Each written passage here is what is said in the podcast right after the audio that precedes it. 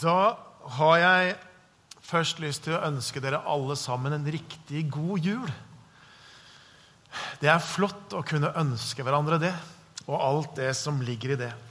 Og så er det sånn at livet noen ganger er lett og enkelt, og noen ganger så er det vanskelig. Noen ganger så er det bratte kneiker vi skal over, og sånn også i jula. Men jeg håper at uansett hvordan din jul har vært, at det også har vært noe av dette strimende av lys og av håp. Jesus har kommet. Så jeg håper at du har kunnet hatt en rik jul uansett om situasjonen har vært sånn eller sånn, om du har feira det sammen med mange, eller om du har kanskje vært alene eller vært få. Så har det sin sjarm begge deler, både når det er full rulle, og når det er rolig. For meg så har det alltid vært utrolig godt å komme til kirken første juledag. Jeg tror nesten så lenge jeg kan huske, langt tilbake, selv når jeg var ung tenåring og barn. Eh, og så har vi noen ganger andre juledag, det er helt greit. Men det å komme inn i kirken denne dagen her, og så er det en helt annen stemning Det er på en måte noe annet som skjer enn en julaften som, som, er flott på sin måte. Men det er noe av den der roen, noe av den ettertenksomheten, noe av den gleden noe av den takknemligheten som er liksom roligere, som gjør første juledags gudstjeneste for meg en av de beste juletradisjoner. Jeg er så glad i å være i kirken akkurat da. Og så er jeg glad at vi kan være sammen, vi som er her, og feire gudstjeneste sammen. Og så er det koselig å se dere fra Salem. Jeg vet Noen av dere har kommet hit i dag. Veldig koselig å se dere. At vi kan kjenne fellesskapet også på den måten der. Jeg må jo si at eh, det er jo nesten utrolig hvordan jula preger mediebildet. Sånn de, ja, I hvert fall i desember, men nesten sånn november også. Altså Det er ikke bare julemarsipanen som kommer i september og ribba i november. liksom. Men jula preger mediebildet og nyhetsbildet utrolig mye, utrolig sterkt i disse førjulstider. Og så er det selvfølgelig veldig mye fokus på på mat og matlaging og ulike tradisjoner og, eh, og, drikke og alt mulig sånn. Men det snakkes også mye om jula sånn om verdier på ulike måter. Det snakkes om, og noen ganger også med henvisning til julens fortelling, juleevangeliet. Det snakker, er ikke så lenge siden jeg hørte på en sånn frokost-TV. Det snakker om at julen handler om det der med å høres til som en familie. Og julen var det en liten familie osv. Og, og så tenker jeg ja, det, det er bra, det. Men, men, det er på en måte ikke dypt nok. Julen handler dypest sett om noe mer. Noen sier julen handler om å være gode mot hverandre og se de andre. Og det er bra. Det er gode verdier. Men så tenker jeg julen den borer enda dypere enn som så. Det er ikke nødvendigvis feil, noe av dette, men julen er mer. Og Det er det jeg har lyst til å si noe om her. Jeg har lyst til å si noe om julens mening. Meningen bak fortellingen som vi har møtt mange ganger allerede denne jula her. Om det som skjedde i Betlehem, i Davids by. Han som fikk sitt komme annonsert av engler, som fikk besøk av både vismenn og gjetere. Hva er det dette betyr for oss? Hva er det dypest sett det handler om? Eh, og Jeg skal ikke gå til fortellingsstoffet i Det nye testamentet om dette, men jeg vil gå til en annen tekst som kanskje setter noe lys på og forklarer noe om hva det betyr, hva julen sett dypest sett handler om. Vi vet alle hvor juleevangeliet står. Men hva er det som er julens evangelium, da? Hva er julens evangelium? Det har jeg lyst til å sette fokus på i disse minuttene vi skal sammen her. Og så skal, jeg, skal vi dele sammen en tekst som ikke er en typisk juletekst men som jeg oppdaga i løpet av høsten, handler enormt mye om jul likevel. Vi skal lese teksten fra 1. Johannesbrev, kapittel 1, og vers 1 til og med vers 4. Vi skal lese der i Jesu navn. Det som var fra begynnelsen, det vi har hørt, det vi har sett med egne øyne, det vi så, og som hendene våre tok på, det forkynner vi. Livets ord. Og livet ble åpenbart. Vi har sett det og vitner om det og forkynner dere det evige liv, som var hos Far og ble åpenbart for oss. Det som vi har sett og hørt, forkynner vi også for dere, for at dere skal ha fellesskap med oss, vi som har fellesskap med Far og med Hans Sønn Jesus Kristus. Og dette skriver vi for at vår glede skal være fullkommen. La oss be. Kjære Jesus Kristus, jeg takker deg for at du kom. Takk for at du åpenbarer Far for oss. Og så ber jeg, Herre, at du skal ta dette ordet, som er Guds ord, og så skal du levendegjøre det i våre liv. La det falle i god jord i formiddag, Herre. Vi ber om det. Amen. Jeg skal snakke om julens evangelium, og så har jeg fire enkle punkter ut fra denne teksten eh, som kanskje tydeliggjør, forhåpentligvis, hva julens evangelium er. Og Det første som møter oss i denne teksten, her, det er en kraftfull presentasjon av han som kom. Johannes går rett i kjernen, rett inn i det teologien kaller for kristologien, for å gjøre det klinkende klart hvem vi snakker om. Navnet Jesus, det ser vi ikke her. Og Når vi leser det sånn som vi av og til gjør i, i litt sånn kjapt gjennom, så kanskje vi ikke engang får med oss om at det er han det handler om. Men det er det altså. Og Starten av 1. Johannes brev minner jo veldig mye om starten av en annen et av evangeliene som Johannes da skrev. Johannes evangeliet. Det vi kaller Johannes-prologen. Og De fire første vers i Johannes evangeliet det lyder sånn. Og legg bare merke til hvor mange likhetspunkter det er. Det står der, 1. Johannes evangelium, kapittel 1 og fra vers 1. I begynnelsen var Ordet. Ordet var hos Gud, og Ordet var Gud. Han var i begynnelsen hos Gud. Alt er blitt til ved ham. Uten ham er ikke noe blitt til. Det som ble til i ham, var liv, og livet var menneskenes lys. Og I vår tekst så finnes mye av det samme innholdet og mye av det samme språket. Det merker dere. Ordet kalles her for livets ord. Og Johannes utdyper dette og sier at livets ord, at det var der fra begynnelsen. I evighetens morgen, før skapelsen, før tid og rom, før noe hadde blitt til, der var livets ord. Der var Kristus. Det er det Johannes sier. Og Så sier han videre at livets ord, det evige liv Eller at det eh, var det evige liv. Og jeg tenker Alle andre religionsstiftere de peker på en vei til det evige liv. Peker på en vei til frelsen. Alle andre religionsstifter peker et annet sted. Og så kommer kristendommen og Kristus, og så peker han på seg sjøl og så sier 'Jeg er livets ord'. Jeg er det evige liv. Jeg er det evige liv. Det står ikke bare at Jesus brakte det evige liv, eller at han formidler det evige liv, men at han i sin egen person, i sitt vesen og væren, er evig liv. Han er frelse i en person. Så står det videre at dette livets ord det er det evige livets ord som var hos far der i tidens morgen. Så var det et fellesskap. Et kjærlighetens fellesskap av Faderen, Sønnen og Ånden. En guddommelig treenighet. Og En av de gamle kirkefedrene som levde på 300-tallet, som heter Gregor av Natsians, forsøker å beskrive treenigheten. Når han liksom skal forsøke å beskrive det som dypest sett ikke kan beskrives. Når han forsøker å liksom gripe det ubegripelige. Når han forsøker å avkle noe av treenighetens mysterium, så bruker han et ord på gresk som er veldig likt det greske ordet for dans. Og så er det Peter Haldorf som kommenterer dette i boka 'Drikk dypt av ånden' på følgende måte. Han sier Gud er i sitt vesen fellesskap.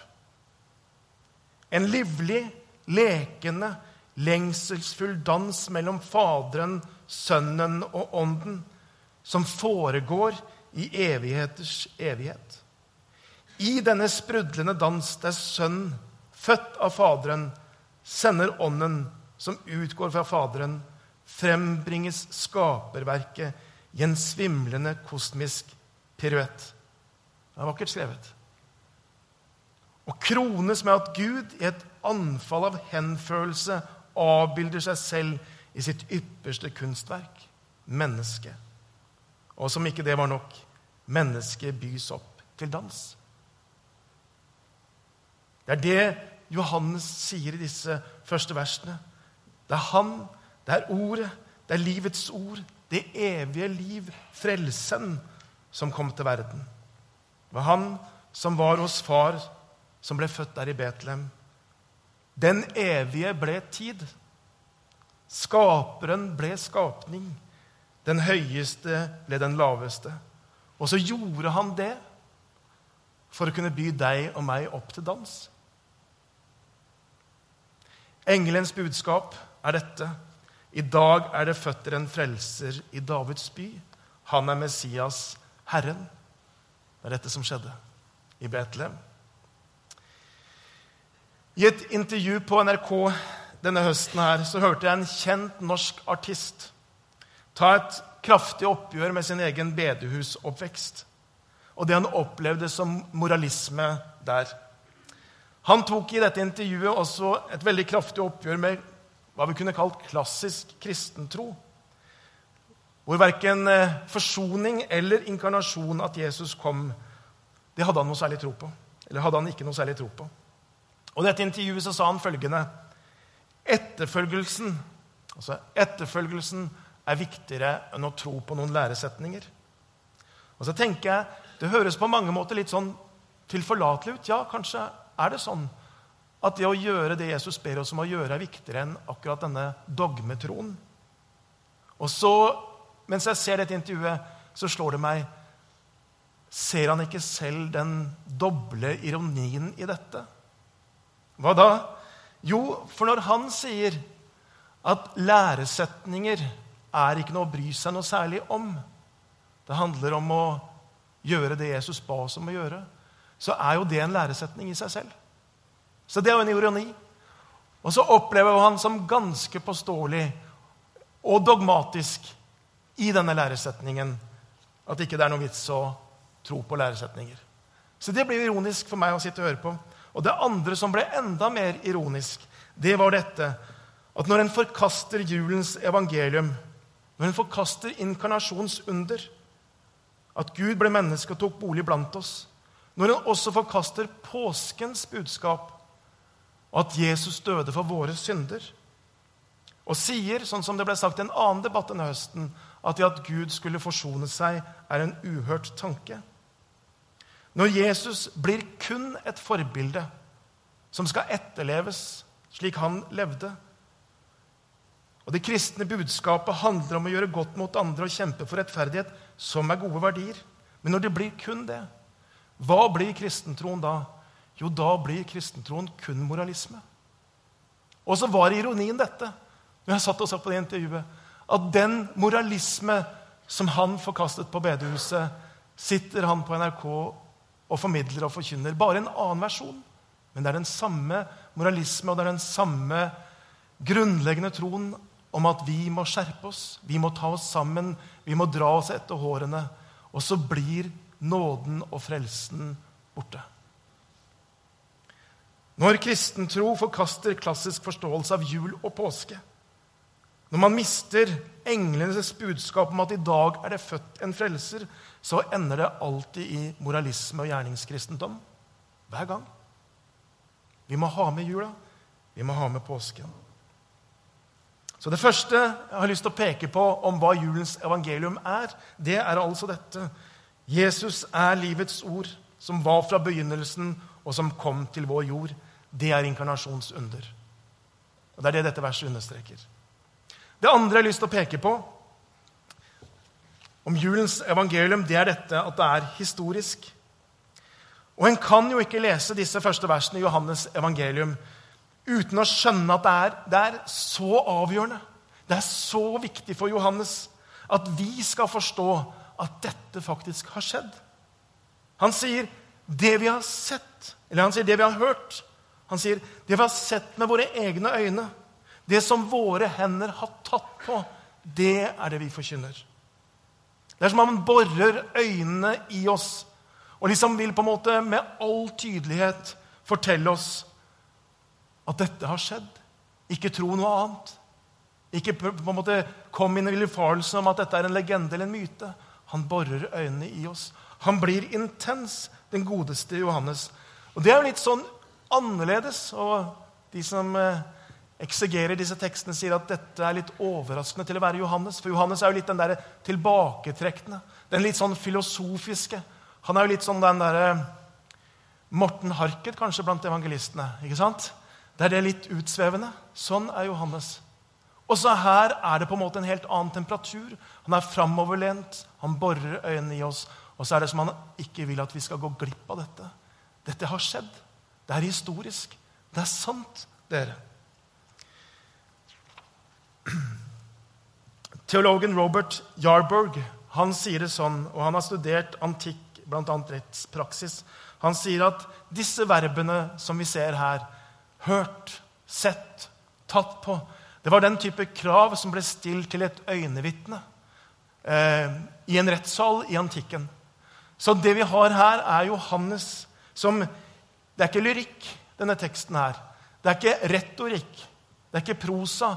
Men det er egentlig en edssvoren vitneerklæring vi har foran oss. Han bevitner dette som han forteller, at dette er åpenbart for de. Og så er det ikke bare Johannes heller som står her. Han sier, 'Vi har hørt. Vi har sett. Våre hender har tatt på.' Hvem er dette vi? Jo, han står der sammen med alle apostlene. Sammen med Peter, sammen med Andreas, sammen med Philip. Og så står de skulder ved skulder, og så fyller de hele plattformen. Og så står de der og sier, 'Vi har sett. Vi kan bevitne. Vi kan bekrefte.' Dere, det er sant. Det er det de sier. Hvorfor er dette så viktig? Hvorfor er det så viktig at juleevangeliet er historisk? Hvorfor er det så viktig at Jesus kom nettopp på det tidspunktet, på det stedet osv.? For vi kommer ikke langt i vår lesning av juleevangeliet før vi oppdager nettopp det. At det er viktig for de nytestamentlige forfattere å understreke hvor historisk dette er. Juleevangeliet i Lukas starter slik. Det skjedde i de dager. I den latinske oversettelsen så står det 'factum est'. Det skjedde. Det er fakta. Det er det de sier. Sånn var det det gikk fram. Og Det nye testamentet fortsetter med å knytte hendelsen til et helt bestemt tid. Det var akkurat da når det gikk ut en befaling fra keiser Augustus. Det var da mens Kvirinus var landshøvding i Syria. Det var på det stedet, i Betlehem, ti km sør for Jerusalem. Det var mens kong Herodes var konge over Judea osv. Og, så og så knyttes det igjen og igjen og igjen til historisk tid og historisk sted. Og så kan vi spørre betyr det noe egentlig. Kunne det ikke like, vært like greit at det var en myte, en legende? Er ikke moralen i historien det viktigste? Og Det bibelske vitnesbyrdet er nei, det er ikke det viktigste. Det viktigste er at dette skjedde. Det som har blitt mitt julesitat i år, og jeg har delt en gang før her. Men Tim Keller han sier det sånn Om juleevangeliet bare er en gripende legende, så er det på et vis overlatt til oss selv. Så er vi på et vis overlatt til oss selv. Men om fortellingen fra den første julenatt er sann, noe Det nytestamentlige tydelig understreker, så kan vi finne nåde for våre liv. Så om juleevangeliet bare hadde vært en legende, bare hadde vært en moraliserende historie om hvordan vi skulle være som Maria eller velge som Josef, eller hvordan vi kunne være som gjeterne eller lære av vismennene fra Østen Hvis det bare var det, da blir veien til fred med Gud å gjøre mer av noe og mindre av noe annet, og skjerpe seg og prøve hardere, og så har du hele lovgjerningene der. Da er jeg overlatt til meg selv, sier Tim Keller. Men om det er sånn at Jesus faktisk kom til verden mens eh, keiser Augustus regjerte, mens Kvirinus var landshøvding, mens Herodes var konge i Judea Hvis det var der i Betlehem, ti km sør for Jerusalem Hvis det var sånn, hva da? Ja, da er det faktisk slik at Gud har sendt sin enbårne sønn til oss som en kjærlighetshandling for å bringe håp og fred og glede. Da er det det det handler om. Da er det sånn at Jesus med sitt komme faktisk er en realitet inn i vår historie. At hans fødsel, hans liv, hans død, oppstandelse, det er faktiske hendelser i menneskehetens historie. Og Da betyr det at vi ikke er overlatt til oss sjøl. At Gud ikke har gitt oss opp, men at Han har kommet nær, og at vi kan finne nåde for våre liv, som Tim Keller sier. Det er ikke vi som skal gjøre det, men det er Gud som har gjort det. Det er det som er julens evangelium. Det er han som har gjort det. Han sendte sin sønn. I vers 1 og 2 i vår tekst så har vi altså et slags juridisk vitneutsagn om hvem som kom, og, julen, og at julens budskap historisk sett er sant. Og det er helt avgjørende. Og Den yngste av Jesu disipler proklamerer så intenst og tydelig han kan, og borer sine øyne i oss og sier det har skjedd, det er virkelig, sånn er det, det er faktum, det er sant. Og I vers 3 og 4 i den teksten vi leste, så peker Johannes på hva som var hensikten med det han skriver. Og så kan vi lese de to siste versene her. Det som vi har sett og hørt, forkynner vi også for dere, for at dere skal ha fellesskap med oss, vi som har fellesskap med Far og med Hans Sønn Jesus Kristus. Hvorfor kom Jesus? Jo, for å muliggjøre fellesskap med Far og med Hans Sønn Jesus Kristus. Det var derfor Jesus kom. Julens evangelium er altså for det tredje at vi er ikke forlatt for oss sjøl, men vi kan ha fellesskap med Gud. Det er det fellesskapet vi er skapt til. Det er det fellesskapet vi dypest sett lengter etter. Det er det fellesskapet som synden har forstyrra og ødelagt og rota til, men som Gud gjenoppretter i at han sender sin egen sønn. At Gud ble menneske, betyr at han steg over den ustigelige grunnen mellom skaper og det skapte. Gud ble menneske, slik at vi, du og jeg, kunne erfare fellesskap med Gud. C.S. Lewis han sier det sånn Guds sønn ble menneske for å gjøre det mulig for mennesket å bli Guds barn. Det er den sammenhengen det står i. Og Julens budskap er dette. Gud har ikke gitt oss opp. Vi er ikke forlatt. Himmel og jord møtes. Tid og evighet kobles sammen. Og Jesus sier det igjen og igjen når han går her nede. Guds rike har kommet nær. Ja, det er midt iblant dere. Det er det som starter julenatt. Og julens sanger så synger vi ofte inn, eller så finnes dette perspektivet. Som i sangen 'En stjerne', hvor det står 'Englene synger høyt i kor'. Synger om fred på vår jord. Verden var aldri helt forlatt. En stjerne skinner i natt. Også denne nye julesangen Himmel på jord, en glede så stor. Jeg er ikke alene her jeg bor. Vi er ikke alene. Vi er ikke forlatt. Men Gud har kommet nær. Og så er det mulig og muliggjort å erfare fellesskapet med Ham. Det er inkarnasjonsunder. og Matteus han siterer fra Jesaja, og så sier han følgende.: Se, jomfruen skal bli med barn og føde en sønn og de skal gi ham navnet Immanuel.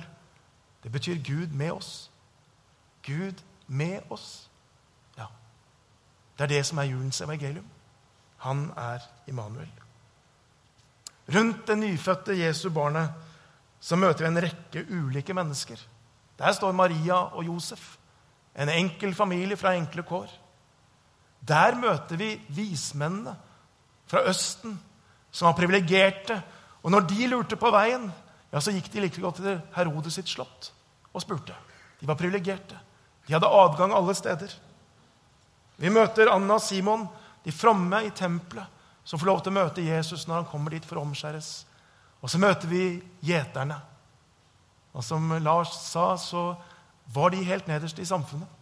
De kunne ikke vitne engang. De ble ikke regna som noe. Så gjort, eh, ble du anklaga for en forbrytelse, og du bare hadde som alibi at du satt og spilte kort med dine gjetervenner, ja, så gjaldt ikke det alibiet. De ble ikke regna med.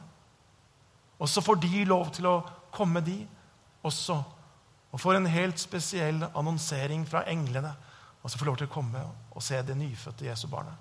Rundt Jesu den gang, og jeg tenker også i dag, så samles ulike mennesker fra ulike lag, fra ulike raser, fra ulike klasser. Og så er det ikke forskjellen som preger det fellesskapet, men det at vi er samla omkring Jesus Kristus. Og så får vi lov til alle ha fellesskap med Gud. Det har vi felles. Jeg vet ikke hvem i juleevangeliets fortelling du kjenner deg mest igjen, med, igjen i. Men i en undersøkelse for noen år siden så var det i hvert fall minst en tredjedel som svarte at de som de kjente seg mest igjen i, de var gjeterne. Så tenker jeg, Sånn er det kanskje for ganske mange, hvor man kan kjenne at man identifiserer seg med den gruppen som er utenfor.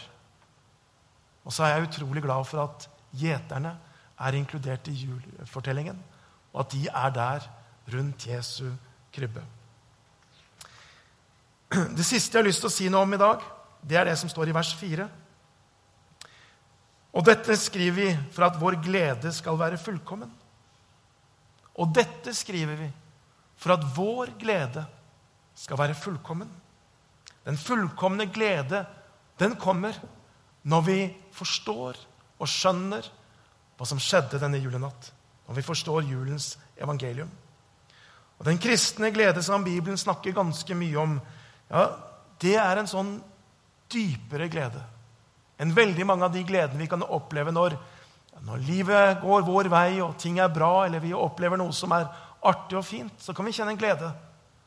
Men det er mer som fyrverkeri å regne, som denne dype, dype gleden som Bibelen snakker om.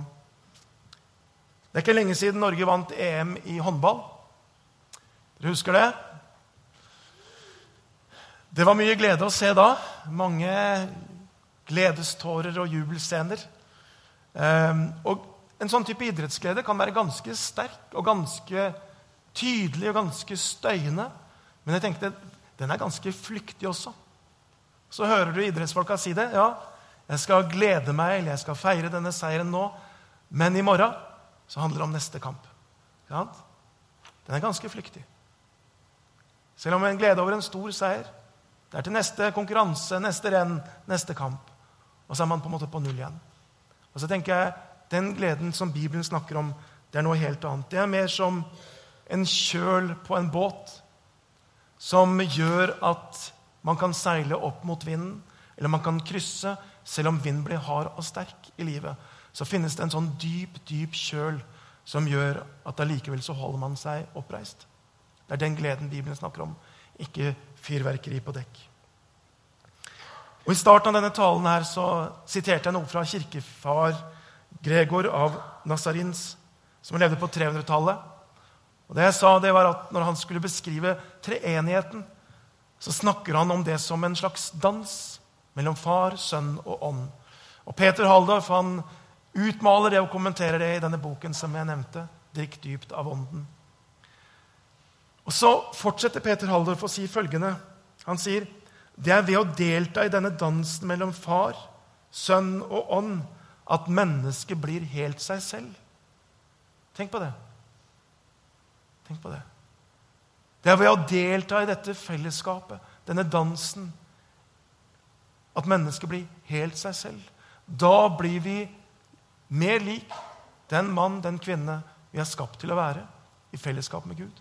Når vi trekkes inn i dette fellesskapet, da blir vi det mer oss selv.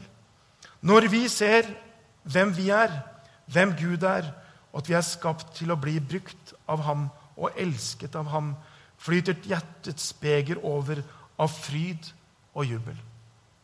Jeg tror det er sånn. Jeg tror det er sånn at det finnes en type glede som vi kun kan erfare der, i dette fellesskapet. Et dypt livende fellesskap med Far, Sønn og Ånd. Først når mennesket blir trukket inn i Guds treenige liv, oppfyller vi vårt kall som menneske. Lengselen etter å få delta i den guddommelige dansen er menneskets dypeste drift. Og så sier Peter Halldorf tragedien er at vi tror vi kan tilfredsstille denne tørsten ved å kaste oss ut i andre danser.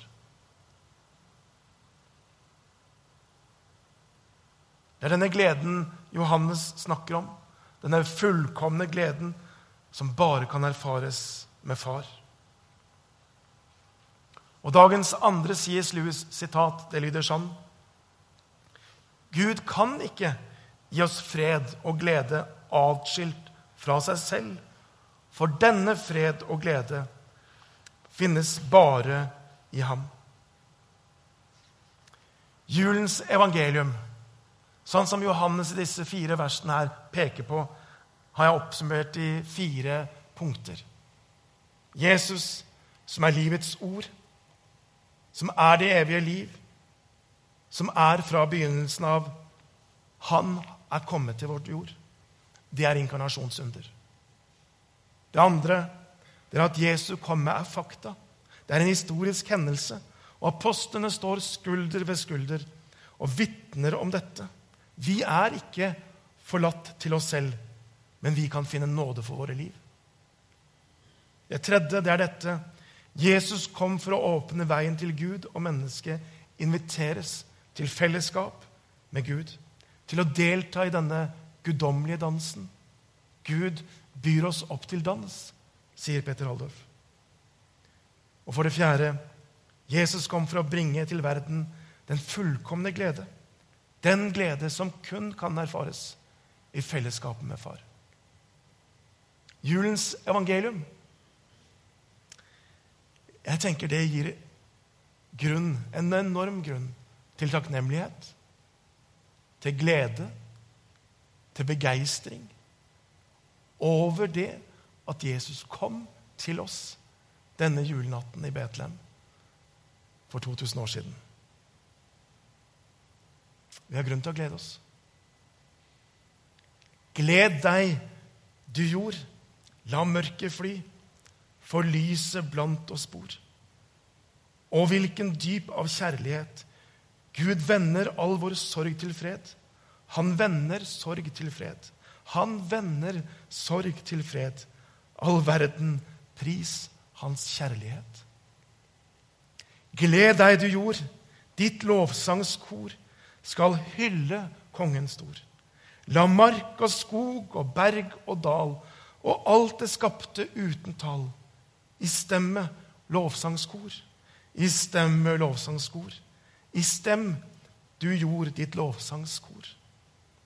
Gled deg, du jord, han komme er. Lukk opp for ham din favn. Gi rom i hvert et hjerte her.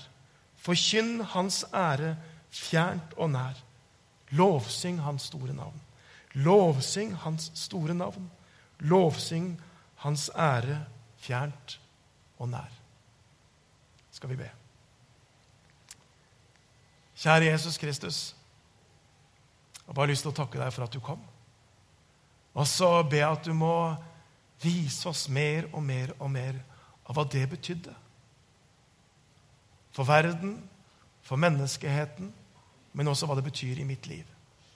Jeg ber, kjære Jesus, at du skal fylle meg med denne takknemlighet, glede og begeistring.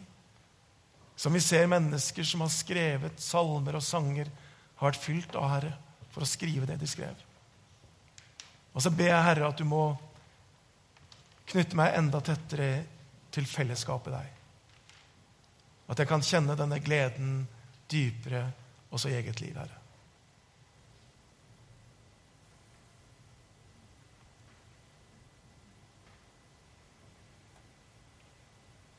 Og så ser du vi som er samla her, og så ser du våre liv. Du ser det som er godt, og du ser det som er vondt og vanskelig. Du ser våre smil, og du ser våre tårer, Herre. Og så ber jeg om at du skal komme oss nær, Herre, denne første juledag. At du må tale ditt ord inn i våre liv. At du må berøre oss med din kjærlighet. At vi kan få lov til å kjenne det. At der, i dette intime fellesskapet mellom sønn og ånd og far, der kan vi få lov til å være. Der kan vi få lov til å være, her. I ditt navn ber.